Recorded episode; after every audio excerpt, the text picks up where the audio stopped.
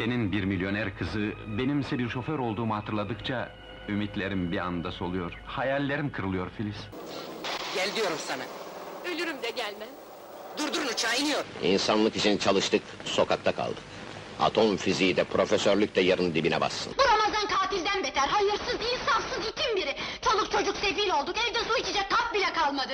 Sonunda ortanca kızım da isyan etti. Ablam gibi ben de orospu olacağım dedi. Ramazan'ı bulun, Ramazan'a beş bin lira verin. Bu karıyı boşasın, bir daha da eve gitmesin. Bu bir podcast dahadır. Mediapod. İletişim için mediapod.com ya da @mediapod. Tarih Sinema'nın yeni bölümünden hepinize merhaba. Bu bölümde biraz daha farklı bir konseptten hareket ederek bir belgeseli konuşacağız. Remake, Remix, Rip-Off diğer bir adıyla Motor dediğimiz belgeseli ele almaya çalışacağız. Aslında bu belgeseli geçen bölümün sonunda Anıl da söylemişti. Teknik açıdan değerlendirmeyeceğiz. Yani ışığı şöyle, kurgusu böyle, bilmem nesi böyle. Bu belgeseldeki e, başka bir şey üzerine biz bu programı hazırladık. Nedir o? Bu belgesel Yeşilçam'ı 1970'lerin 80'lere kadar diyelim e, o en hareketli döneminin öyküsünü ele alıyor.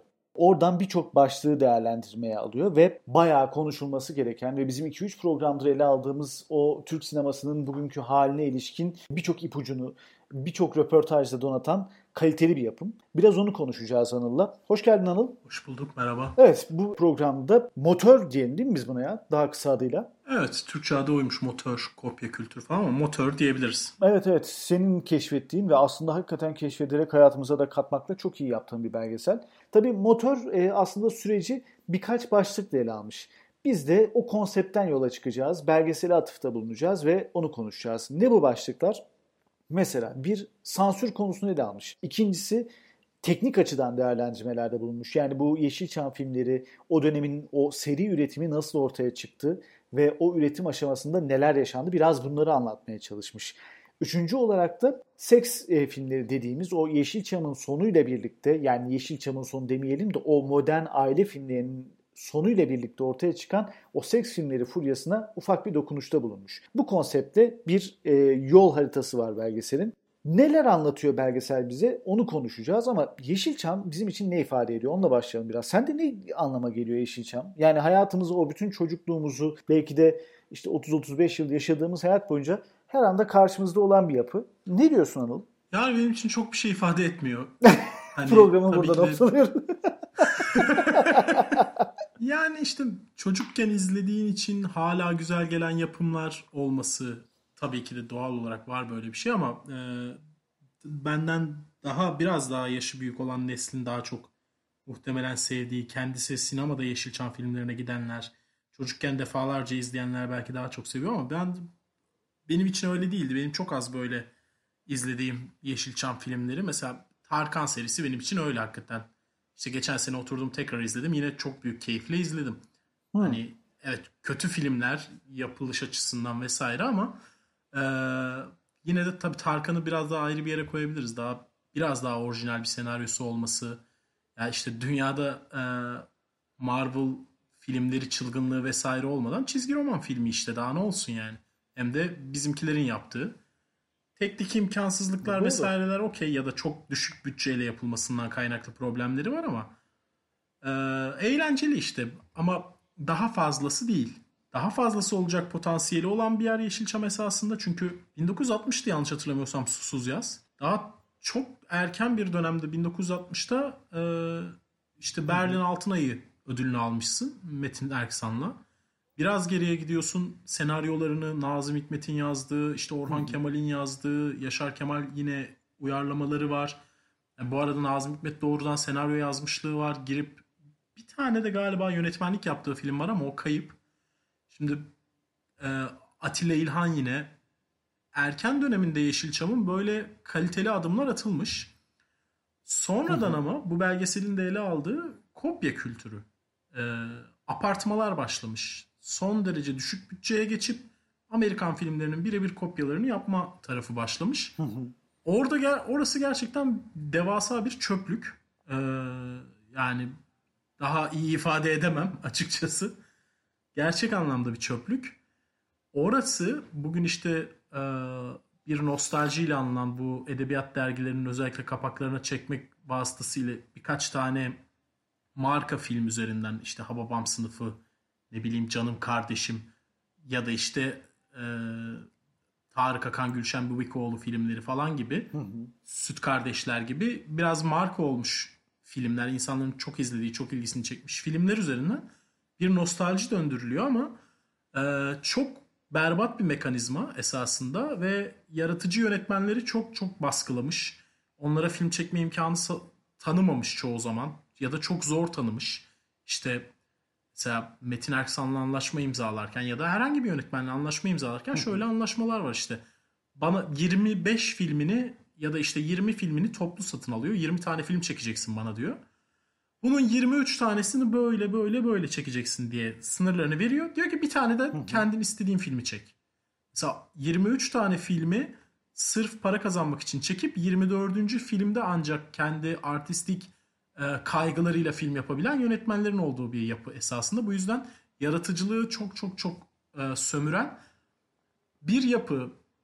Bilmiyorum hani biraz daha açayım mı bunu daha mı sonra geliriz? Hazır buraya gelmişken buradan devam edelim. Mesela Metin Erksan vurgusu yaptın ya ki bu belgeselde Metin Erksan'ın da yer aldığı bir kısım da vardı. Orada özellikle onun bile e, yani ne kadar kendi işinden şikayet ettiği kesitlere rastlıyoruz. Bu çok çok önemli boyutu. Aslında teknik boyutundan girersek belki de e, bunu biraz anlamlandırmış olabiliriz. Yani film zaten yani daha doğrusu belgesel şununla açılıyor. Diyor ki tek bir temamız var diyor filmlerde. 30-40 arasında konumuz var diyor.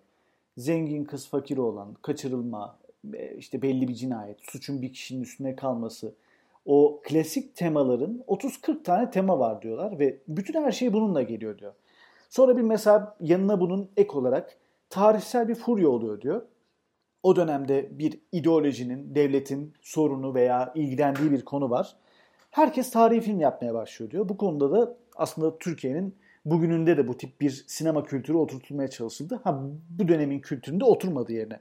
Ama mesela bu dikkat çekici. Ve işte senin dediğin o hani seri üretimde o kopyalama kısmı var ya orayla ilgili bir vurgu var. Diyor ki bir yönetmen ya 100 tane film yönettim diyor. Ama e, birisi çıkıyor ardından diyor ki ben 1772 filmde oynadım diyor. Bunlar ajandamda yazılı diyor. Bak 1772. Yani insan ömrünün güne vursan her gün bir film çeksen adam 5 yıl boyunca kesintisiz her gün farklı filmde oynamış. Sonra İzzet Günay çıkıyor diyor ki ben 120 filmde oynadım. Ama bu Türkiye bunu söylediğimde Türkiye için çok az diyor. Ya şu seri üretime bakar mısın ya? Yani öyle. Yani- Ee, hatta bak şöyle şey yapalım. Bence bir ekonomik sistem açısından incelemek de bilmiyorum belki yapılmıştır yani şeylerine bakmadım bu konuda. Yapılmıştır tabii tezler falan da var. Kemal Sunal bile kendi filmlerini yargılarken aslında o, o boyuta biraz değiniyor ama biraz inceleyelim. Ben genel olarak hani Yeşilçam'ın başlangıcı ve bitişi açısından çok güzel bir laboratuvar resmen şeyi göstermesi açısından. Devlet ilişkileri, işte sermayenin e, cevap verişi şeye, e, seyircinin arzularına, yozlaşması zamanla işte idealist insanların içerisinde bütün yaratıcılıklarını kaybetmesi açısından böyle bir e, mini kapitalizm yani tam bir laboratuvar. Her şeyi görebiliyorsun. İşte az önce bahsettiğim gibi çıkışında çok nitelikli insanların bu işe girdiği bir idealistlikle, film yapma arzusuyla o hakikaten beyaz perdenin büyüleyiciliğiyle bu işin peşinden gidiyorlar. Fakat bir nokta geliyor. Ee, yabancı filmler zaten pahalı. Onları Türkiye'de oynatmak zor ve Türk seyircisi de her zaman için şey yani kapalı bir seyirci. Böyle Amerikan seyircisi de öyledir. Öyledir derler diyelim hadi. Kapalı derken muhafazakar bir seyirci mi yoksa ne istediği bilinmeyen mi? Yok muhafazakar bir seyirci ama muhafazakarlığının sebebi şu. Yabancı filmi izlemek istemiyor. Yani burada çekilmiş, burada yapılmış şeyi izlemeyi seviyor. O anlamda kendi içine kapalı. Bugün hala aynı şekilde Türk dizileri ve Türk filmleri en çok izlenenler arasında hala. Türk seyircisinde değişmeyen Evet. bir şey yok. Muhafazakar bir seyirci Türk filmlerini izliyor. Altyazı okumak istemiyor, dublaj sevmiyor. Buradakini görmek istiyor. Böyle bir tarafı var. İşte birazcık daha okumuş kesim e, İstanbul'da işte İzmir'de Amerikan filmlerini bulabiliyor. Godfather'ı seyredebiliyor atıyorum. Fakat şeydekinin diğer şehirlerdekinin Anadolu'da hiçbir şekilde böyle bir şansı yok. Gitmiyor o filmler. Onlar pahalı. O zaman ne koyman lazım ekrana? en ucuz, en düşük maliyetli şeyi koyman lazım. Zaten böyle açık hava sinemaları işte dolmaların alınıp gidildiği Vizontele'deki sahneleri hatırla işte. Öyle bir kültür var. E, evde televizyon yok. Akşam ailecek toplanıp yemeğini yiyerek bir şey seyrediyorsun. O çok cheesy bir şey olmak zorunda bu arada. Yani yüksek bir sanat falan eseri değil. Beklenen şey televizyonun yaptığı etkinin aynısı. Aslında burada Kuntulgar'a atıfta bulunmak istiyorum ben. Yani e, orada anlatırken şuna bir vurgu yapılıyor. Deniyor ki Türk sinemasının o dönem Yeşilçam sineması tamamen ticaret üstüne kurulu. Dünyada bir film mi var? Yani en kolaycı yöntemle mesela Godfather örneğini verdim. Godfather çıkmış mı? Tuttu mu dünyada? Yap aynısını Türk filmi olarak. Şu sahne mi tuttu? Onu da koy içine. Müzik koy e, şeyini planı onu çalsın. Yutturabiliyor musun diyor mesela Kuntulgar. Yutturuyorsun. Ne mutlu sana. Yaklaşımı e, hakim diyor Yeşilçam'a. Tam olarak istedikleri bu diyor. İşte hepsi böyle esnaf aynen dediğin gibi yutturabiliyor musun? Okey. O zaman ne oluyor? Ee, birazcık idealist olan, birazcık film yapmakla iç içe olabilecek insanlar içeride elenmek zorunda kalıyor. İşte Metin Erksan gidip Exorcist'in aynısını çekmek zorunda kalıyor. Çünkü öyle bir piyasa var. E, 1960 gibi çok erken bir tarihte, çok üreten bir ülkede olmana rağmen işte 1960'da şey yapıyorsun, ödül kazanıyorsun uluslararası arenada. Ee, ama bu kadar. Bir daha gidemiyorsun oralara çünkü tamamen kendi içine dönüyorsun. Tamamen tabi Yılmaz Güney gidiyor ama bu mekanizmanın dışına çıktığı için gidiyor esasında o da. Ee, tamamen bu mekanizmanın içine bağlı kalıyorsun. O zaman işte Metin Erksanlar el çekiyor, ne bileyim Nazım Hikmet gibi olabilecek figürler el çekiyor. Kimlere kalıyor? İşte Kunt Tulgar gibi, e, Çetin İnanç gibi esnaflara kalıyor. Ve 60'ların sonu 70'lerde komple esnafların çektiği filmler. Sadece işte birkaç tane edebiyattan uyarlama dediğim gibi Hababam sınıfı olabilir, Neşeli Günler olabilir. Bu tarz az çok özgün sayılabilecek filmler var. Onu da işte Aydemir Akbaş söylüyor. 3 tane senarist var toplamda diyor zaten. Yılda 300-400 film çekiyorsun. 3 tane senarist yazıyor. E doğal olarak çok az e, şey. Peki konuda fikrini merak ediyorum. Hazır Çetin İnanç örneğine gelmişken. Şimdi Çetin İnanç çok istisnai bir örnek bu arada. E, bu anlattığımız hikayenin içerisinde. Çünkü e, o Yeşilçam'ın endüstriyel üretim döneminde yönetmenlerin bazıları işte halinden şikayet ediyor. İşte çok çalışıyoruz, üretiyoruz, bunu yapmak zorundaydık, şöyleydi, böyleydi. Ama Çetin İnanç bence bu hikayede çok aykırı bir yerde duruyor. Diyor ki yani sonunda da zaten başta çok kızarak izledim ona. Sonlarda da adamın haline bakarak Allah Allah dedim. Yani ahlaki bir e, tartışmayı başlatıyor. Ben bilmiyor muyum diyor. En iyisini de yapabilirim bu filmin diyor. Benim o yeteneğim var. E yapıyorum diyor. Kimse satın almıyor. Kimse yapmıyor. Eve ekmek götüremiyorum. Aç kalıyorum. E benim tek bildiğim iş bu. Ne yapayım diyor. Ondan sonra kafam bozuldu diyor. Uzay filmi diyor. Adam diyor uzay sahnesi istiyor. Para yok, dekor yok diyor. 16 tane filmden arakladım diyor. Bu haliyle o kadar barışmış ki en sonunda adam şey gibi e, üretiyorum diyor. Film, habire film yapıyorum diyor. Oradan çalıyorum, bunu yapıyorum, bunu yapıyorum. Yani bu haliyle en barışık ve e, aslında e, bu cringe kültürünün Türkiye'deki en net halini adam sergilemiş. Dünyayı kurtaran adam örneği var. Bir filmden daha bahsediyor. Yani Rambo'nun galiba Türkiye uyarlaması. Orada da ilk kanın e, zombilerden tut işte farklı farklı e, karakterlere kadar e, karate bilen e, kovboylar, ninjalar falan filan herkesin olduğu filmler yaratıyor adam. Ve bu absürtlükten yani bugün bunun tabii daha değerli görünüyor ama o zaman çok dalga geçiliyor. Ortaya bir sinema çıkarıyor. Bu adamın tavrını sen nasıl yorumluyorsun? Ee, yani Çetin ilk ya Çetin İnanç Dünyayı Kurtaran Adam'ın yönetmeni. Oradan bilir insanlar genellikle. Birazcık şey durumu var orada her şeyden önce. Ee, şeyh uçmaz mürit uçurur derler ya. Belgeseldeki sinema yazarlarının aslında Çetin İnancı'nın nasıl bir dahi olduğuna falan dair yorumları var. Tamamen tıraş. Tamamen tıraş yani hiç alakası yok. Bir dediğim gibi esnaf Çetin İnanç ve işte film anlaşmaları yapılırken e, orada İzzet Günay söylüyor sanırım. Diyor ki yani böyle geliyor teklif. 6 tane blok dövüş sahnesi olacak. İşte öpüşme olacak. içinde Ayhan Işık olacak. Şu olacak. Bu filmin şeyi bu. Böyle geliyor. E bunu çekiyor Çetin İnanç'ta. Şey açısından yani Çetin İnancı karakteriyle alakalı bir şey söylemiyorum. Çetin çünkü onu anlatmaya çalışıyorum zaten. Yeşilçam bir sistem olarak yönetmenleri, oyuncuları herkesi buna itmiş. Ve Çetin İnanç burada bence iyi bir sembol biliyor musun? O yani adam diyor ki tamam iyi film istemiyor musunuz siz? Lanet olsun ben de böyle yapıyorum demiş. Onunla barışmış ondan parasını kazanmış.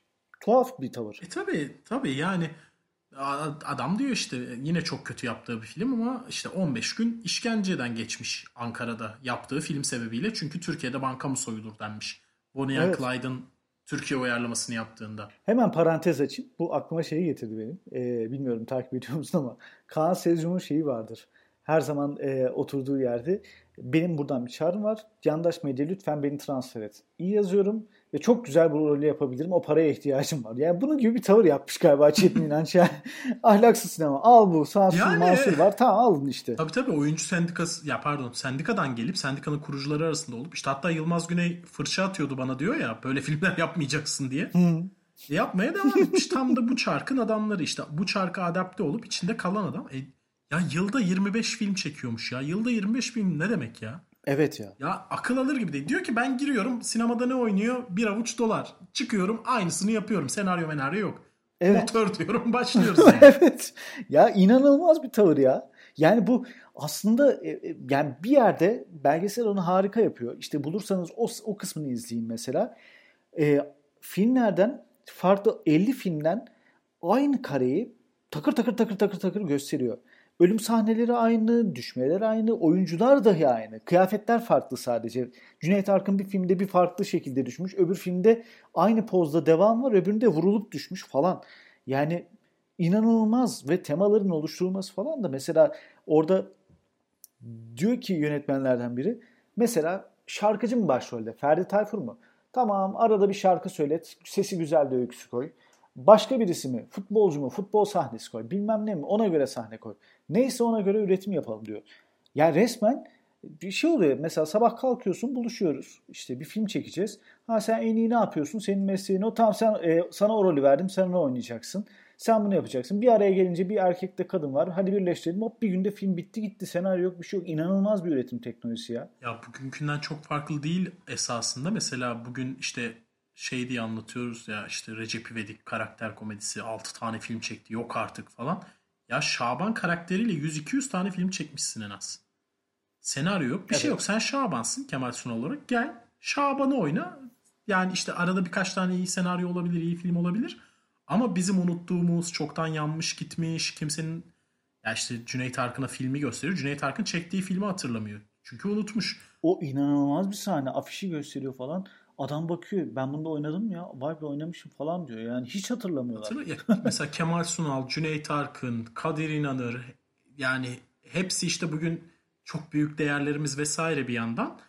Öte yandan bir tane karakterle 200 film esasında Evet. özeti. Hatta bak şimdi orada şey akla geliyor. Yani bu filmlerin yaratım aşamasında müziği mesela e, veya ne bileyim teknik açıdan e, yetersizlikleri. Bir de şey yapıyorlar yani 200 filmi çekiyorlar.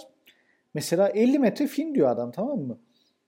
Onunla çekeceksin falan. Ya bunu çok güzel aslında aşk filmlerinin unutulmaz yönetmeni ele aldı. Yani ona da çok sık Aynısını atıfta bulunuyor belgesel. Evet. Ee, çok sık atıfta bulunuyor ve doğru da yapıyor. O tavrı çok net bir şekilde ortaya koymuş aslında o film. Çok güzel zamanının hakikaten ilerisinde ve bugünkü sinemayı da, bugünkü dizi kültürünü diyeyim aslında. Sinema kültürünü demeyelim. Ama bugünkü dizi kültürünü çok güzel anlatıyor. Ya işte bugünle aslında paralellik çok fazla. Yani Türkiye'nin pek çok meselesiyle ilgili de çok fazla. İşte içe kapanık toplum, bu çok hızlı bir şekilde yozlaşma. Yani mesela şöyle bir şey var. Seyircinin işte bir yandan da şey tabii yani seyirci bunu istiyordu deniyor ama onu tam bilmiyoruz. Onun bir verisi yok. Seyirciye onu vermişsin. Zaten Yani bugün de mesela Şafak Sezer onu diyor. Seyirci bunu istiyor biz de onu yapıyoruz diyor. Ama sen istiyor musun mesela öyle bir film? ben değil ya ben- benden bahsetmiyorlar zaten. Mesele ben değilim. Evet. Ama e, seyirciye ne kadar imkan sunulduğu da bir soru işaretiydi o zaman. Bugün aslında biraz daha görüyoruz ki seyirci hakikaten bunu istiyor. Yani Ya İsteyen var evin, evet. ya Yani genel seyirciden bahsediyorum. Evinde televizyonun başında işte e, iki saat boş yani senaryosu bile olmayan boş boş bakışmalarla süren diziyi seyrediyor. İşte e, YouTube çok güzel gösterdi seyircinin tam olarak ne istediğini YouTube'daki çöp içerik. Hepsi ne kadar çabuk ve hızlı bir şekilde boş, hızlı tüketilebilen içeriğe dönüyor. Ve Yeşilçam bunun çok güzel bir örneği. O yüzden ben Evet. Ee, bugüne bu kadar vurup da işte YouTuber'ına vurup işte sinemasına vurup dizisine vurup da Yeşilçam övücülüğünü hiç anlamıyorum. Yeşilçam belki bunların hepsinden daha da kötü bir örnek. O zaman ben burada araya hemen bir konu daha sokacağım. Tam bununla bağlantılı olarak. Belki de o Yeşilçam üzerinde bu belgeselin çok çok e, net girmediği, sansür boyutuyla özellikle girdiği bir noktayı ele almak istiyorum. Fikret Hakan dönemin melodramlarından bahsederken ki işte bunlar hani o Emel Sayınlı, Tarık Akanlı filmler mi dersin veya ne bileyim Cüneyt Arkınlı veya Seki Müren'le ne film dersen de diyor ki iktidar insanların sinemada ağlamasından hoşnut oluyordu. Çünkü dertleri, tasaları insanlar ağlayarak unutuyor filmlerde. İktidar bunu istiyordu. Ve biz de bunu yapıyorduk. Oradaki iş buydu yani diyor. Şimdi bu aslında bir ideoloji tartışmasının da yapılması gerektiğini söylüyor. Yeşilçam'ın öykülerinde yani o kaybedenleri, sonları, ölümleri, zengin fakir öyküleri e, ve o Şaban'ın mesela Şaban üzerinden gidersek toplum düzenindeki birçok e, her şeye uyup kendi kendine başka çözümler, zekice köşeden kıyıdan sı, e, sıyrılarak yarattığı çözümleri birazcık aslında tartışmaya açmak gerekiyor. Bu tabii şeyden bahsetmiyorum. Hatırlarsın yakın dönemde Twitter'da çok linç değmişti. Yaşar Usta aslında e, bir Truva atımı falan sistemin. Yani o açıdan değerlendirmekten bahsetmiyorum ama biraz ideolojik olarak da konuşmak lazım galiba. Hem bu sansür mekanizmasını hem de o dönemin üretimini. Ya ben filmleri böyle literal okumayı çok sevmiyorum. Bana çok basit bir e, denklem varmış da çok kolay açığa çıkabilirmiş gibi yapılan yorumlar çok sığ geliyor. Fikret Hakan'ın işte iktidar melodram severdi çünkü insanlar ağlayınca rahatlardı. Yok efendim bir filmde işte devrimci figür ya da ayaklanan figür kazanır ki insanların içine su serpilsin ki normal hayatta. Bunlar bana sığ geliyor açıkçası. Ben öyle doğrudan çok basit bir mekanizmanın işlediğine inanmıyorum. Ee, sansür mekanizmasının nasıl işlediği çok acayip orada. Akıl sır ermiyor o anlamda. İşte Süleyman Demirel başbakanken bir film çekiliyor. Süleyman diye bir karakter var arabanın içinde. Süleyman isimli karakteri e, filmin baş kahramanı solluyor arabayla. Ve sansür kurulu diyor ki sen Süleyman isminde bir karakteri sollayarak ne ima ediyorsun? Ya da işte bu belgeselde anlatılan Ayhan Işık bir filmde diyor ki gel sevgilim deniz sığ gel bu, burada yüzebilirsin diyor. Film sansürden dönüyor. Diyorlar ki düşmana işte boğazın stratejik noktalarını gösteriyorsunuz. Silahını at elinden Killing. Türk polisine ehemmiyet vermemen son oldu. Partiyi kazandınız, teslim oluyorum. Bütün dünya polisini, hatta Interpol'ü aldattığım halde Türk polisi karşısında ilk defa yenilgiye uğradım. Aferin Killing. Yenmesini bildiği kadar yenilmesini de biliyorsun. Sana söylemiştim Türk polisinin Çetin Ceviz olduğunu. Mikrofilm bizim işimize yaramaz artık. Şayet kurtulursam bir daha Türk polisinin karşısına çıkmam. Mikrofilme gelince o da Türk milletine hediyem olsun. Sansür kurulu zaten hiçbir akla mantığa sığmayacak ya da işte sansür kurulundaki insanlar toplanıp birbirine şov yaptığı için mi artık en acayip şeyi kim bulacak diye böyle böyle kararlar veriyor. O yüzden ya bir kere şöyle düşünmek saçma geliyor bana. İktidar bunu isterdi ve bunu uygulatırdı. Burası Almanya değil ki, burası Türkiye. Burada hiçbir şey o kadar sistemli işlemiyor ki. Devlet buna Evet ya. dahil. Yani devletin Yani şey e, konusunda e, onu bir kere netleştirelim. Diyorsun ki o dönem devletin bir sinema, bir kültür ideolojisi gibi bir kavramı yoktu aslında. Yani bir üretim ve bunu Yeşilçam üzerinden yayma gibi bir mekanizması olduğunu zannetmiyorum diyorsun. Hayır, o kadar diyorum ki- net bir devlet değiliz. diyorum ki bu kadar sistemli bunu yapabilecek bir devlet mekanizmamız yok. Bu hissiyat, bu arzu var. Sansür kurulu da bu yüzden var. Bu yüzden filmleri biçiyorlar. Fakat bu kadar sistemli bir devlet mantığı yok. O yüzden de oradaki memurun kendi kafasına göre vereceği kararlara kalıyor. Bence bak şeyi konuşurken de unuttum onu söylemeyi. Görünmeyende de buna benzer bir şey anlatıyor esasında. Yani devlet memuru kendi keyfiliklerini devlet kılıfına sokarak e, işleme koyuyor ya. Aynı hikaye. Sansürde de yani bir takım insanlar görevlendirilmiş. Bunlar da muhtemelen şu kadar basitlikte. İşte vatana millete ayaklandıracak film olmasın falan gibi işte ne bileyim her filmin sonunda polis işi çözsün falan gibi genel direktifler verilmiş ama sansür kurulunun girdiği şov çok daha farklı bundan ve koskoca Yeşilçam'da bütün o belgeselde sansür konuşuluyor. Bak başka iki tane daha sansür belgeseli izledim. Kimsenin bahsetmediği bir tane şey var. Buradan da maalesef Yeşilçam'da zeki insan sayısının azlığı ile ilgili. Bir tek Metin Erksan diyor ki negatifleri iki kutu negatif veriyorlardı sadece. Negatife kota koyuyorlardı. Bundan daha korkunç bir sansür olabilir mi diyor. Kimse mesela bunun bir sansür biçimi olduğunu dahi akıl etmemiş Metin Erksan dışında. Az sayıda negatif verilmesini. Zaten böyle bir Evet. algılayış problemi var bizim maalesef demek ki sinemacılarımızda. Özür dilerim hemen bir şey daha ekleyeceğim. Ya çok gömmek istemiyorum çünkü bir yandan da sinemanın özel bir alan olması gerektiği konusunda da bir bilinçleri var. Mesela e, 77'deki büyük Ankara yürüyüşü var. Sansür yasaları arttırıldığında bunlar toplanıp Ankara'ya yürüyorlar. Evet. Sağcı veya solcu ayrımı olmadan hakikaten herkes orada. Çünkü kendi alanlarını korumanın, kendi alanlarını özel tutmanın öneminin farkındalar. Mesela bu çok ciddi iyi bir politik bilinç. Ama bir yandan da kalıplara sıkışmış. Hatta o yürüyüşle beraber sansürü birazcık geriletiyorlar. Sonra Ahmet Taner Kışlalı'nın bakan olmasıyla hatta e, bazı kazanımlar elde ediliyor. Sinema dairesi kuruluyor. Tabii 80 darbesiyle hepsi uçuyor ama ya tamamen gömmek için anlatmıyorum bunu ama sanki sinema üzerine düşünen, akı, ya üreten nasıl diyeyim? Sinema üzerine özellikle akıl koyan insan sayısı azmış gibi geliyor. O yüzden bazı kalıplar üzerinden anlamışlar. Sinemayı da sansürü de. Bu tabii üretim aşamasına da dediğin gibi çok net bir şekilde yansıyor. Ve şimdi düşündüğümde aslında haklı olduğun ve e, net bu sansür mekanizmasının tam anlaşılmadığını o Metin Erksan örneğinde görüyorum. Ama yani ben bilemiyorum yani sen biraz sığ olarak görüyorsun ama bütün oyuncular bunun ideolojik bir anlamı olduğu üzerine de sanki yorum yapmaya çalışıyor. Yani ben belgeselde onu biraz gözlemledim. Bir şey vardı. Belki de o olmayan ve bugün bakıldığında olmadığını anladığımız devletin bir sinema arzusu vardı. Bir sinema yaratmak istiyordu, bir kültür yaratmak istiyordu ve biz onu da böyle onu da kırmadan hani bazen sansüre bir şey takıldı mı onu değiştiriyoruz. O öyle oluyor, bu böyle oluyor gibi bir tavırı biraz sezinledim oyuncularda. Ya o yüzden özellikle o ideoloji tartışmasını açtım. Çünkü bu sansür mekanizmasını mutlaka ele almak gerekiyor. Bunun da yine en iyi örneği belki de aşk filmlerinin unutulmaz yönetmeninde karşılaştığımız mekanizma. Orada çok güzel anlatıyor bunu. En bulunabilir noktası da o. Yani ben zaten tabii sansür yoktan bahsetmiyorum. Sansür kesinlikle var ama sadece çok e, sistemsiz yürüdüğünden ve o kadar yani hatır gönül işiyle geçirilebilecek filmler olduğundan eminim yani. Türkiye öyle bir ülke çünkü. Evet, evet, evet. Yani çünkü e, Yılmaz Güney'in filmi geldi. Ha, Yılmaz Güney'in filmi şeyi bahsediyor ya orada. Yılmaz Güney'in hiç alakasız filmleri bile sadece adında Yılmaz Güney olduğu için sansürleniyordu yani. Cowboy filmi bile sansürleniyordu. Ama o şeyden sonra işte 80 darbesinde Yılmaz Güney kaçıp Evet. şeyde de Kanda da büyük bir propaganda yaptıktan sonra gelip Yılmaz Güney'in bütün filmlerini alıyorlar. Evet, evet, evet. Ya aslında bu e, sinemanın her döneminde bizde olan bir boyutu. Şimdi sansürün dışında bak teknik kısmında mesela bir şeyi daha ele almak istiyorum. Çok eğlenceli. Bunu izleyemeyenler için birkaç boyutu açalım.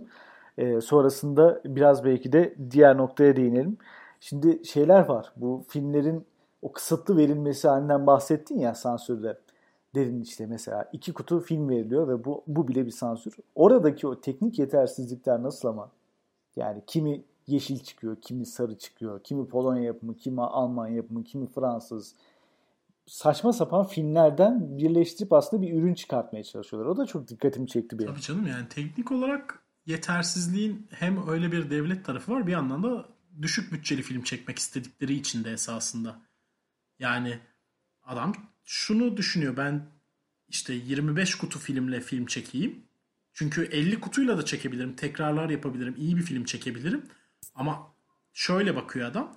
Materyal yani 50 kutuyla iki film çekilebilir. O zaman ben niye bir film iyi bir film çekeyim ki 50 kutu filmle? İki tane şey yaparım diyor. Peki orada serbest ticaret kısıtlarından dolayı kota mı engel sence yoksa kolaycılık mı? Kolaycılık da var. Yani ikisi birden. Yani hem bak sansür var. Ee, malzemeye de sansür var. Malzemenin kotası var. Ama bir yandan da kendileri de anlattıkları gibi kaçak malzeme de getiriyorlar. Ya işte Türkiye öyle bir ülke. Yani evet yasak ama bir yandan da takır takır yurt dışından bu şeyleri getirebiliyorlar. Ya da yurt dışına film kaçırıyorlar. Ya şimdi burada yine bizim bugünden bakarak soracağımız bir soruyu e, yöneltmek istiyorum. Tam bu noktada sansür teknik bağlamında belki de ele al- almakta fayda var. Şimdi bakıyorsun adam dedim ya en başta 1772 filmde oynadığını söylüyor. Sonra mesela birisi diyor ki elime dinamit patladı diyor. Yanlış bağlamışlar diyor. Cüneyt Arkın mesela tere çıktım diyor. Yürüyorum diyor. Aşağıda 100 metre şey var diyor. Binanın kolonuna girmiş diyor. Tel diyor. Kopma noktasına geliyor diyor. Yani orada kimse ne olduğunu bile anlamıyor diyor. Panik vaziyette ben geri dönüyorum diyor. Teknik açıdan aslında yaşadığı riske oradaki o ucuz işçiliğin yarattığı sonuca bak. Ama buna rağmen herkes var olmak için bu sistemin bir parçası da olmak bence konuşulması gereken bir denklem. Yani inanılmaz bir endüstri kapitalizmin cehir cehir ezdiği ve seri üretim kimin oynadığı önemli değil. Oynuyor mu oynuyor, ayağı kırılırsa kırılsın, kafası koparsa kopsun tarzı bir üretim var. Yani işte e, o dediğin ya işte kapitalizmin küçük bir laboratuvar dediğim yer burası. Öyle bir noktaya geliyorsun ki en büyük starının bile canının kıymeti kalmıyor artık. Daha ucuz film mi? Daha ucuz bir halat mı bağladın oraya yeterli. Yani Cüneyt Arkın oradan düşüp ölse öne ya diyor ya Çetin İnanç branda var. Dört kişi yok brandayı tutmaya. Üç kişi brandayı tutuyor. Bir de yukarı bağırıyoruz adama ya ayarlı atla brandayı yırtma diye. Yani inanılır gibi değil ya. Hakikaten insan canını ve ya insan canını da geçtim bak artık. O ahlaki şeyi de geçtim. Ya starının canına bakmıyor adam. Star ya. Ve yani adamlar film çekerken yani film dağıtımına bak abi. Adamlar film çekerken diyor ki yönetmeni bu sene filminde 3 Ayhan Işık oynatacaksın. 2 filminde Cüneyt Arkın oynatacaksın. 3'ü aksiyon olacak. Dediğin gibi 6'sında kavga olacak. Kavga sahnesi 4'ten fazla olacak bilmem ne. Rezalet ya. Yani rezalet ya. Ama o kadar güzelsiniz ki bu güzelliğiniz benim için çok mukaddes olan çalışma prensiplerimi incitiyor küçük hanım. Sevimlisiniz, naziksiniz. Çok güzel kokuyorsunuz.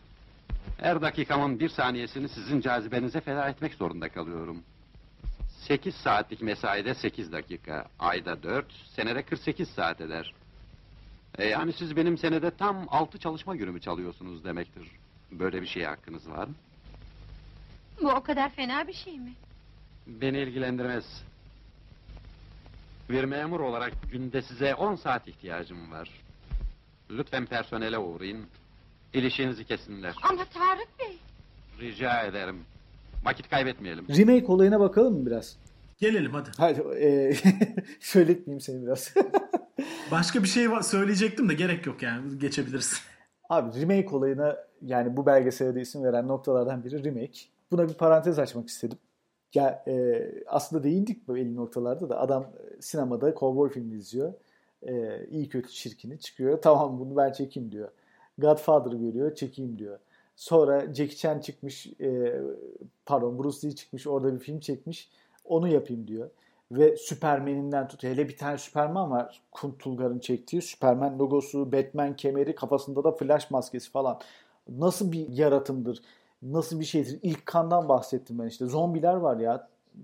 Tuhaf bir şey. Bu remake hmm. olayına ne diyorsun? Orada mesela sıfır yaratıcılık. Çok basit bir sebebi var. Düşük maliyet. Senariste para vermiyor. Senaryonun zamanına işte bir senaryo yazılacak zamana vakit ayırmıyor. Bir adam dediği gibi işte sinemaya gidiyor. Film izliyor. Hangi film varsa çıkıp aynısını çekiyor. Tamamen hız hızı kazanmak, maliyeti de minimumda tutmak için. Yoksa şeyle alakası yok yani. Ee, biz bunları aparalım falan filan.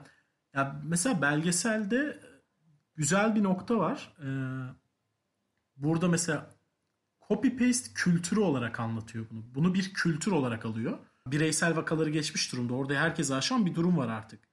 Fakat bunun e, sebepleri arasında bazı şeyler sayıyorlar. Bana pek inandırıcı gelmiyor. İşte Amerikan özentiliği, Hollywood gibi olmak.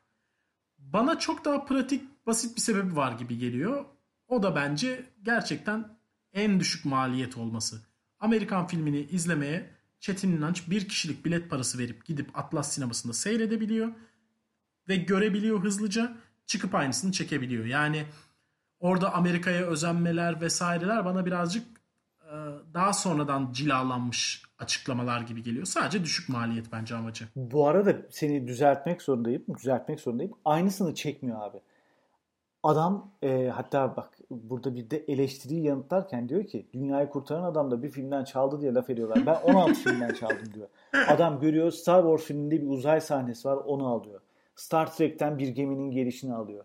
E, o dönemden başka bir filmden şey yapıyor. Film de çekmiyor aslında. O aralara e, insan görünecek yerde Cüneyt Arkın'ı bir sandalyeye oturtuyor. Hop aşağı yiyor uzay gemisi uçtu falan. Yani film de çekmek değil. O zaman ben de seni düzelteyim. Çekmiyor diyorsun. O da değil esasında çekemiyor. Çünkü yeteneği yok, beceremiyor.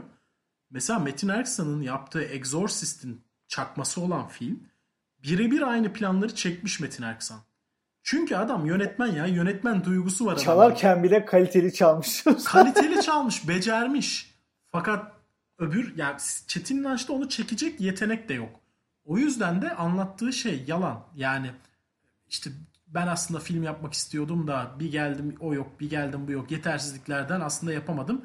Benim içimde daha iyi bir yönetmen vardı. Bu işte e, teknik şeyleri neyse girmeyelim ama hani J.J.'in mükemmellik illüzyonu dediği şey bir kusurunun olması senin mükemmel olabileceğine dair inancını tazeler.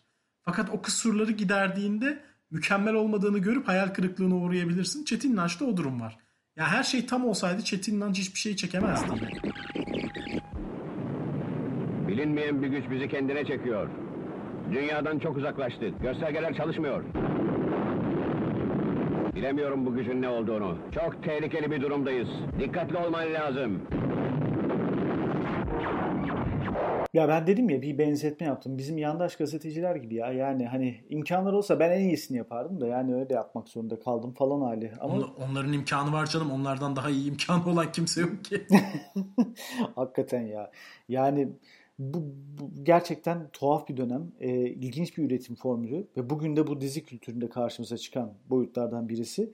Ee, ve- leşlik ya bir tarafıyla. Yani ne diyeyim neyse. Peki şunu da sorayım sana. Melodramları bundan ayırıyor musun? Örneğin kalabalık aile filmleri olarak tanımladığımız filmler var ya. Nedir bunlar? Bizim aileydi, işte turşucuları, yok vecisi, Hababam sınıfı. Bu kültürlerden ayırıyor musun? Hani ufak edebiyat uyarlamaları bazıları, bazıları da işte Tarık Akan'la Emel Sayın birbirine yakışıyor. Ha onlara da bir film çektirelim kültürünü ve o dönemin Yaşar ustasını. Onları ayırıyor musun bu öyküde? Yani bazı filmler diğerlerinden daha iyiler tabii ki. Fakat bu böyle farklı bir kategoride oldukları anlamına gelmiyor. Yani işte Neşeli Günler'in e, Rambo'dan daha iyi olması, Rambo uyarlamasından. Tabii ki de Neşeli Günler Rambo uyarlamasından daha iyi ama bu onu bambaşka bir yere koymuyor. Yine işte Münir Özkul var, Adile Naşit var, işte senin oğlan benim kız var. Hepsinin zaten bugüne kadar oynadığı karakterler aynı karakterler. Ya oyuncuları da aşağılamak için söylemiyorum bu arada. Tam tersi ya Münir Özkul'a bir role hazırlanmak için atıyorum 5 ay tanısan ve Münir Özkul gelse öttürür o rolü. Fakat öyle bir şey yok. Münir Özkul'u muhtemelen arıyorsun. Haftaya filme giriyoruz diyorsun. Senaryoyu yolluyorsun ya da yollamıyorsun. Belki orada öğreniyor. Şey gibi düşün işte mesela güldür güldür skeci çekmek. Her hafta skeç çekiyorlar. Bu insanlar her skeçte yeni karakter yaratamayacağı için aynı karakterler tekrar tekrar tekrar ediyor ve oyuncular da bunun farkında söylüyorlar zaten röportajlarında falan. Öyle bir hikaye. Şimdi konuşurken aklıma geldi. Ee, özellikle bu akımın belgeselde yer verilmeyen bir boyutu daha var. Bununla ilgili ben birkaç şey okumuştum ama isimler üzerinden anlatırsam yalan olur. Çünkü net okuduğumu biliyorum ama e, örnekler şey olmasın. Burada bir de mafyatik bir kültürden bahsediliyor. Diyelim bu endüstride var olmak istemiyorsun. Ben çıkmak istiyorum diyorsun. Mesela Tarık Akan diyelim. Ben artık bu tip filmlerde oynamak istemiyorum. Bu sefer film yapımcılarının seni hiçbir rolde oynatmam, bunlara uymak zorundasın, vururum, yakarım, ederim tarzı bir kültürünün hakim olduğuna ilişkin bazı şeyler de var. Belgeselde yer almasa da. Şeyde e, İlker Canikligil anlatıyordu hatırlıyorum ben bu videoyu. E, Yeşilçam konuştukları bir videoda anlatıyordu. İşte Tarık Akanları falan tehdit ediyorlar ve işsiz kalıyor onlar politik filmler yapmaya başladığında. Tarık Akan'a Evet. işte Ertem Eğilmez falan yani. Ge- geleceksin benim işte Gülşen Bubikoğlu'lu Jön Jön oynadığım filmlerde oynayacaksın falan diyor. Tabii Tarık Akan hatta Anne Kafamda Bit vardı anlatıyordu galiba biraz. daha. Belki de hatırlamıyorum onu tam olarak. E, fakat ilk Ama tuhaf bir sektörün bu boyutu da var. Yani bu e, nasıl desem seri üretim mekanizmanın dışına çıktığın anda e, yok olacaksın. Tabii canım sen altın yu- altın yumurtlayan tavuksun yani. Seni salmak istemiyor doğal olarak. Ve biz bunu bugün bakıp Aa, ne kadar nostalji güzel 70'li yıllar canım diye izliyoruz ya. İşte ben bu kadar nostalji atfedilmesinin, nostaljik bir değer atfedilmesini birazcık bilmemekten ve çocukken işte televizyonda izlediğin şeyler. Yani başka bir ekibi triggerlayacak belki ama ya çizgi romanların öyle büyük değerleri vesaireleri yok. Çizgi romanlar basit pop kültürün parçalarıydı. O çocuklar büyüdüğü için bugün çizgi roman dünyayı sarsıyor ve üzerine neler neler üretiyor ki ben de bir makale yazdım mesela çizgi romanlar üzerine. Fakat bu şey demek değil yani. Burada acayip bir değer vardı, inanılmaz bir şeydi. İşte alt metinleri fenaydı falan. Yok öyle bir şey. Aslında her şeyde olabilecek kadar alt metinleri var. Pop kültürün parçasıydı. O çocuklar büyüdü ve bunda çok daha büyük bir ehemmiyet olduğunu anlatıyorlar. Yok aslında o kadar büyük bir ehemmiyet. Kayhan Yıldızoğlu'nun orada söylediği bir e, cümle vardı. Dikkatini çekti mi bilmiyorum. Diyor ki aslında çok arada geçen ve benim de sormak istediğim bir şey. Yorumlayalım dediğim bir nokta. Diyor ki ya biz bu filmleri 2-3 kişi izler böyle salonda şey yapar diye zamanında çekiyorduk. Bu kadar e, televizyonlarda temcit pilavı gibi gösterileceğini biz nereden bilelim diyor tamam mı? Şimdi bu filmleri bu kadar nostalji haline getirip aslında şey gibi o dönem kimi mecburiyetten, kimi keyif alarak e, mesela dedik ya Tarık Akan sektörün dışına çıkmaya çalışırken tehdit ediliyor. Belki zorla bir iki filmde daha oynuyor veya ne bileyim başkası sesini bile çıkarmaya cesaret edemiyor. Bu sektörün parçası oluyor. Yani o kültürden bahsedelim. Bugün bakıp onları böyle sevimli hale getirip izlemek o oyunculara haksızlık olmuyor mu? Bilmiyorum ya zannetmiyorum o açıdan. Neticede yani oyunculara haksızlık par- kendi tercihleri yani ben diyebilirsin evet. Ya birazcık işin içinden çıktıktan sonra anlattıkları hikaye de aynı değil yani. Öyle bir tarafı da var. Mesela Aydemir Akbaş çok inanmış bir şekilde hala şeyi anlatıyor. Ee, biz yaptığımız seks filmleri, biz seks filmleri yapmadık. Biz içerisinde seks olan seks komedileri yaptık.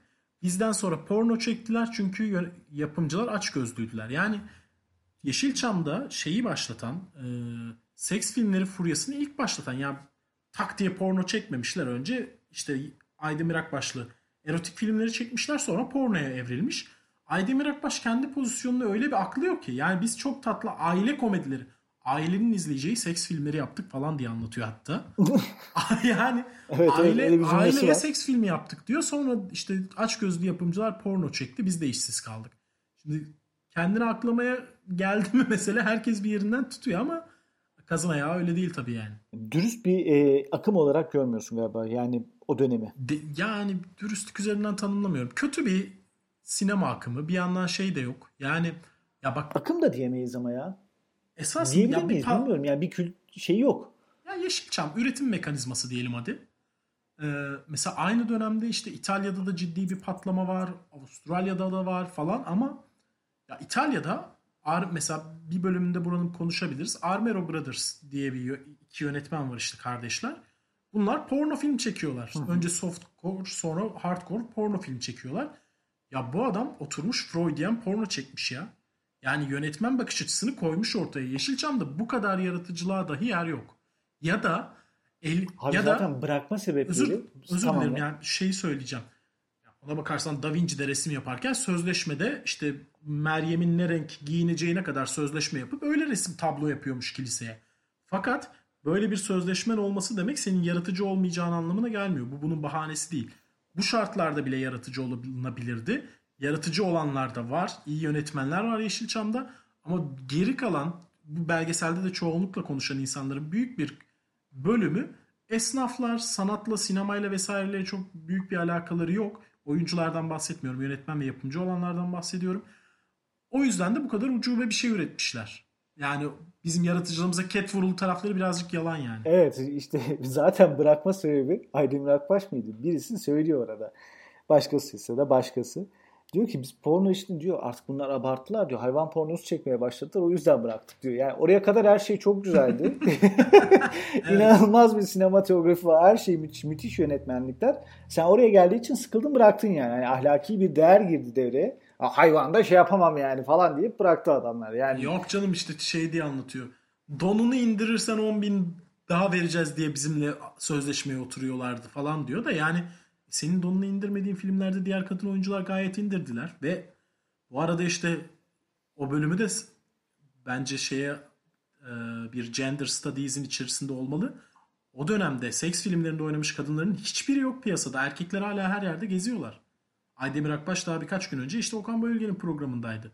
Ama kadınların hiçbiri kalmamış yani. Bir yandan da bu seks filmlerini çektirip, izleyip, sinemalara gidip sonra bu kadın oyuncuların bütün itibarını da yerle bir etmişsin. Bugün iadeye itibar yapacak kadar, hasbel kadar bir filmde kenar süsü olarak rol bile verilmiyor. Bu kadınlar tamamen yok oldular mesela bir yandan. Çok değişik bir çağmış aslında. Yani o aslında iyi bir yerden başlayıp dediğin gibi Metin Erksanlı'nın falan 1960'larda işte o susuz yazı, sonra sevmek zamanı falan filan gayet güzel işler yapılırken e, sektör birden tersine dönüyor ve en sonunda Metin Erksan'ın bile e, hangi oyuncuydu emin değilim. Hülya Koçyiğit miydi? Bir oyuncunun oynadığı bir filmi çöplüktü yani. Bahsetme hiç o filmimden diye üstünü kapatmaya çalışması var ya çok dramatik bir sahne. Yani o hale getiriyor insanları. İnsanlar ya oynamışlar bir yandan da bunlar. da. Evet. Yani ama düşün işte Metin Erksan bile ki Metin Erksan yani gerçekten yani Susuz Yazı'da izlediysen, işte Sevmek Zamanı'nda izlediysen farklı bir iş yapıyor. O melodramlardan daha farklı bir dinamizm var. Her şeyde başka bir yere gidiyor. Abi Ama- hem yaratıcı bir yönetmen hem de sinema üzerine bir fikri olan bir yönetmen. Bunun dışında Evet. da yani söyleşilerini falan izlersen görürsün adam hakikaten çok Tabii. dolu, çok düzgün. Müthiş bir adam muhtemelen. Şimdi aklıma gelmeyen vardır illaki ama yani o dönemlerde sinemada türünün tek örneği esasında. İyi yönetmenler Evet. var ama o seviyede hiç yok. Kaldı ki ben şunu da aslında vurgulayacağım. Belki de son bölümde çok e, bağlamdan kopuk olacak ama kendi kişisel eyyorlamamı yapmak istiyorum. Şimdi bu remake kültürüyle ilgili e, bir anekdotumu paylaşayım. Ben ilk olarak tabii hepimiz böyle Kemal Sunal filmleriyle falan büyüyoruz ya. Kemal Sunal'ın bir filmi vardır bilirsin. Bir adam vardır içer içer sarhoş olur. Bunu görür onu intihardan döndürür. Sonra dost olurlar sabahleyin şey yaparlar falan. Kör çiçekçi muhabbeti. It's a Wonderful Life değil mi bu? City Lights olabilir. Emin değilim adından. Neyse. E, İki şimdi- filmi birbirine karıştırmış da olabilirler Yeşilçam'da evet. e, karıştırmışlardır muhtemelen. Ben bu versiyonunu izlemiştim ve bir dönem Kemal Sunal hastasıydım. 10 kere 20 kere izlemişimdir o filmi. Ondan sonra yıllar sonra işte 20'li yaşlarda e, Charlie Chaplin filmlerine döndüm tamam mı? Hani adamın filmlerinin hepsi çok iyi e, bir sinematografik olarak bakayım ne anlatıyor neymiş derdi falan. Şimdi izliyorum e, Modern Times müthiş E, tamam mı? E, ama e, bu filmin remake'iymiş aslında. Charlie Chaplin versiyonunu izliyorum. Ya keyif vermiyor film tamam mı? Kemal Sunal filminde olan şeylerin aynısı. Kemal Sunal 50 yıl sonra çekmiş ve e, filmde olacak her şeyi bildiğim için filmden de keyif alamıyorum. Onun da içine ettim. Her e, IMDb puanı 9.7 olan filme e, ben böyle şey altılık falan diye izledim. Böyle remake orijinalinin de içine ediyor. Bu da benim şahsi eyyorlamam olarak buraya eklemek istedim ben. Öyle. Ya bir de şöyle bir şey var işte böyle bir hakikaten bağ kuruyorsun daha küçük yaşta izlediğin bir filmde bir de şey hani yapısına dikkat etmiyorsun dramatik kurgusu vesaire senin için önemli değil. Karakterlerle doğrudan bağ kuruyorsun esasında daha çocuksu bir bakış açısıyla izlediğinde. E, o hissiyatı yakalayamıyorsun. Şimdi bugünkü çocuklara geri zekalılar YouTuber izliyorlar, YouTuber filmi izliyorlar diyorsun işte. Bundan 10-20 sene önce e, türküsü çıkan sanatçıya yapılan dizileri seyrediyordun. E ondan 20 sene önce de Yeşilçam'da yapılan bu karmaşık kurmaşık işte bir aslında çoğu hiçbir şeye benzemeyen Yeşilçam filmlerini seyrediyordun. Ve onları deli gibi savunuyorsun. Esasında kalite anlamında çok da fark yok bunların arasında. Evet aslında öyle. Günün sonunda baktığında maalesef farklı bir şey çıkmıyor. Bu konuda Bu işte duyguyu özellik ya şunu söyleyeyim bu duyguyu aşağılamak için söylemiyorum. Ben de söyledim işte mesela Tarkan filmleri benim için farklıdır falan diye. Bu özel bir hoş bir duygu, güzel bir tecrübe bir filmle yaşanılan. Fakat bunu sanki o filmler acayip şeylermiş gibi falan başkalarının üzerine kusmamak lazım. An- Yani o tecrübenin kendisi özellikle çocuk yaşta kurulan tecrübenin kendisi çok özel ve filmin iyi olup olmadığını belirlemiyor maalesef. Evet maalesef öyle yani Yeşilçam kültüründe de o dönemin aslında bize öğretilmiş ve ezberletilmiş mantığıyla e, öyle bir yere kondu ve gerçekten çocukluk anıları deyince hepimizin o Yeşilçamları, Canım Kardeşimleri, Kemal Sunal filmleri neresinden tutarsan ken- kendin neyle bağ kurduysan o karakterleriyle hala duruyor bir yerde de e, diyebiliriz. Tabii iyileri de var dediğin gibi kötüleri de leşleri de var. Biraz aslında bu Yeşilçam kültürünü konuşmaya çalıştık bu programda. E, senin aktaracağın başka not kaldı mı bu filmle ilgili kapatmadan? Yok puanlayabiliriz artık. Evet. Moderasyonumu nasıl beğendiniz? Nasıl buldunuz? Bunu mu puanlamalı sence? Ama puanlayalım değil mi belgeseli? Tabii canım. Belgeseli nasıl buldun? Ya bence belgeselin aksayan yerleri var. Birazcık mesela 2013 civarındaki protestolar falan artık konudan çok sapan, konuyla hiçbir alakası kalmayan yere gidiyor. Kendi konusuna yeterince Biraz koymuş olmak için koymuş. kendi konusuna yeterince sadık kalmadığı yerler var ama çok iyi yaptığı yerler var. İşte baştaki edit sahnesi ve işte bütün Yeşilçam filmlerini bir araya getirdiği senin de bahsettiğin. Ama ben duygusal bir puan vereceğim. Çünkü içeride dönen muhabbete çok böyle gömmeme rağmen çok muhabbetine bayıldığım Çetin İnanç falan gibi adamlar yüzünden ben 10 üzerinden 9 veriyorum. Çünkü belgesel yapımcılığından çok içeriğine yani birazcık subjektif bir puan olduğunu itiraf etmem Hmm, lazım. Ben 7 verdim ama bu beğenmediğim anlamına gelmiyor. 7 benim için iyi bir puan. Onu da söyleyeyim. Bence de belgeselin normal aslında puanı 7'yi hak ediyor. Doğru Evet bir evet. yani senin. Ama e, Çetin İnanç'la bir rakı masasında oturmak isterdik. Bir sohbet etmek isterdik. Evet o ya. anlatsın biz dinleyelim. Öyle bir anımız olsun isterdik. Tam şey işte bak mesela bu Altan karakteri vardı ya her şey çok Evet. güzel olacaktı. Tatlı üçkağıtçı. Çetin İnanç tam olarak o ya. Zaten şey var ya gittim diyor dünyayı kurtaran adamı izlemişler diyor. Çağırmışlar diyor şeye üniversite. Bakıyorlar bu adam mı çekti diye. ben de niye çağırdılar anlamıyorum diyor. İşte tatlı tatlı anlatıyor. Yalanı bol muhtemelen ama işte muhabbeti çok güzel. Tam rakı sofrasında dinlemelik adam. Hakikaten öyle ya. Evet böylece e, Motor isimli belgeseli noktalamış oluyoruz. Dediğim gibi bu bölümü izlemek için, dinlemek için belgeseli izlemeniz şart değil ama belgeseli bir yerden bulun izleyin.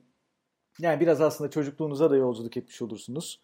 E, ve onu gözlemlersiniz. Sen bir şey diyordun. Önümüzdeki hafta ne konuşacağımızı unutmayalım. Ha, asıl onu konuşmamız gerekiyor. Şimdi önümüzdeki hafta biz dedik ki ne konuşalım? Önce bir oturduk şöyle. Kendi aramızda film seçiyoruz.